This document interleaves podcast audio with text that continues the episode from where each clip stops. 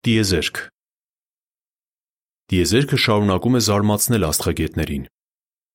Այն ուսումնասիրելու համար նրանք երբեք այսքան շատ ու որակյալ սարքավորումներ չեն ունեցել։ Իսկ ի՞նչ են բացահայտել նրանք։ Ամեն բան կազմակերպված է։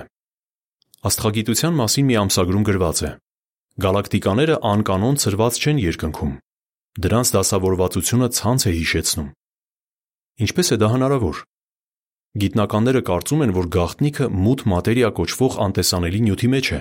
Այդ նույն ամսագրում ասվում է, որ մութ մատերիան ասես անտեսանելի մի հիմք լինի, որի վրա հենվում են գալակտիկաները, գալակտիկաների կույտերը ու գերկույտերը։ Արդյոք տիեզերքում տիրող այսպիսի կազմակերպվածությունը պատահականության արդյունք է։ Նկատեք, թե ինչ է ասել ֆիզիկոս Ալան Սանդեյջը, ով համարվում է 20-րդ դարի ամենահեղինակավոր եւ մեծարգո աստղագետներից մեկը, եւ որը մինչեւ իր կյանքի վերջը հավատում էր Աստծո գոյությանը։ Նա ասել է. Ես միանգամայն անհավանական եմ համարում այն գաղափարը, որ այսպիսի կարգուկանոնը առաջացել է քաոսից։ Դրա հիմքում հաստատ կա մի սկզբունք, որը կարգավորում է ամեն բան։ Տիեզերքը կյանքի համար իդեալական պայմաններ է ապահովում։ Տիեզերքում գործող փոխազդեցություններից մեկը գիտնականները անվանում են թույլ փոխազդեցություն։ Դրա շնորհիվ մեր արեգակը կայուն ընթացքով է այրվում։ Եթե այդ փոխազդեցությունը ավելի թույլ լիներ, արևը երբեք չէր էլ ձևավորվի, իսկ եթե ավելի ուժեղ լիներ, արևը վաղուց վերացած կլիներ։ Թույլ փոխազդեցությունից բացի տիեզերքում գոյություն ունեն շատ այլ առանձնահատկություններ, որոնց շնորհիվ կյանքի համար կատարյալ պայմաններ կան։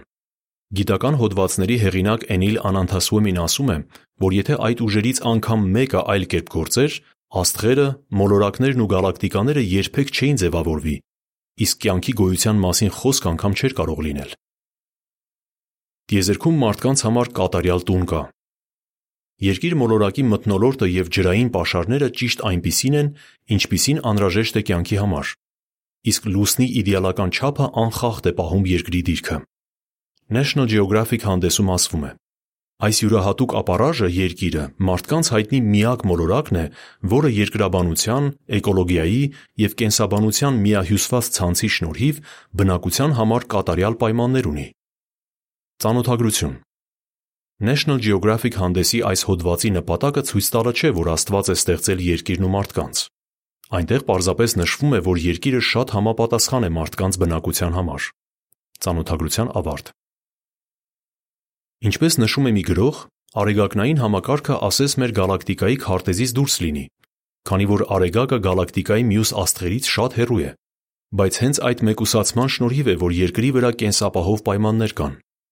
Եթե մյուս աստղերին մի փոքր մոտ լինեինք, անկախ նրանից դա կլիներ մեր գալակտիկայի կենտրոնում թե ծայրամասում, ճառագայթումը կվտանգեր մեր գոյությունը։